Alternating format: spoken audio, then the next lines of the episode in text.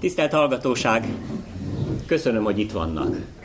Köszönöm, hogy érdeklődnek az iránt a téma iránt, amelyet a következő körülbelül egy órában. Hát a sorozatunknak a szerkesztőivel egyetértésben fölvezetni szeretnék. Ez a téma, hogy is mondjam, egy kicsit olyan, mint egy detektív történet.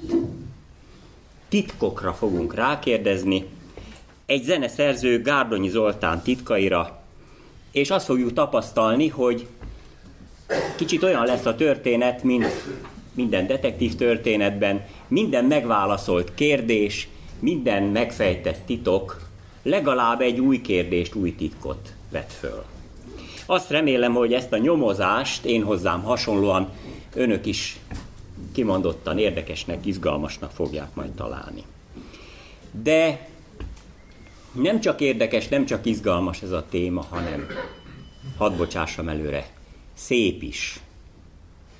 A titkok, amelyekről itt szó van, amelyek után nyomozni fogunk, egy sok értelmű és gazdag műalkotásban öltöttek testet, Gárdonyi Zoltán bipartitájában, amelyet a zeneszerző 1983-ban írt, 77 éves korában, Ma már tudjuk, hogy ez két és fél évvel a zeneszerző halála előtt volt.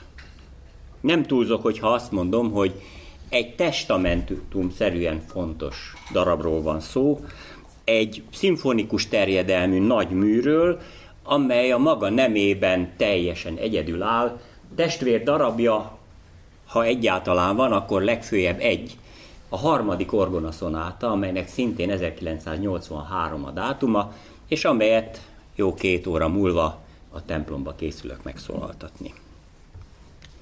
Így előjáróban még valamit, egy harmadik dolgot is. A bipartitát Gárdonyi Zoltán nem egy televíziós kvízműsorba írta. Ami el van benne rejtve, amit esélyünk lehet, hogy megtalálunk, az nem egy festett falovacska, még csak nem is egy karikagyűrű ebbe az érezhetően saját maga számára is végtelen fontos darabjában a zeneszerző a lelkénél is többről, a hitéről val.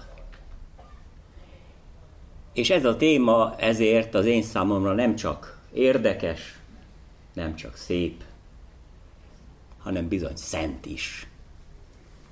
És arra kérem kedves hallgatóimat, hogy hozzám hasonlóan most gondolatban oldják meg a sarujuk szíját, és tiszta szívvel, áhítattal így közelítsenek mindahhoz, amit, hogy is szokás a szószékről mondani, Isten sen, szent lelkének a segítségében bízva én most megpróbálok kifejteni.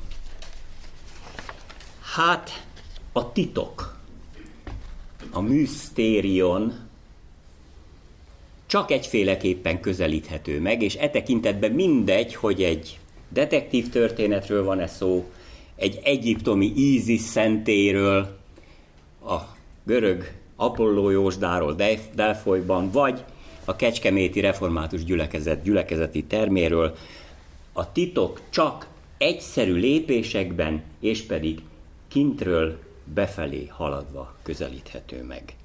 Ezért én is a legegyszerűbb tényeknek az ismertetésével szeretném kezdeni, annak reményében, hogy jutunk még majd beljebb is. Mi az, hogy bipartita? Ez az olasz zenei műszó, hogy partita variációs művet jelent, már a 18. században használták. Johann Sebastian Bach például Gárdonyi Zoltán egyik nagy zenei példaképe, kétféle értelemben használta, tánctételekből írt variációs mű, illetve koráldallamra írott variációs mű megjelölésére. A tánctételre írott partiták hegedűre, csembalóra készültek, a korálpartiták orgonára. Írt partitát Gárdonyi Zoltán is összesen éppen hármat, 1900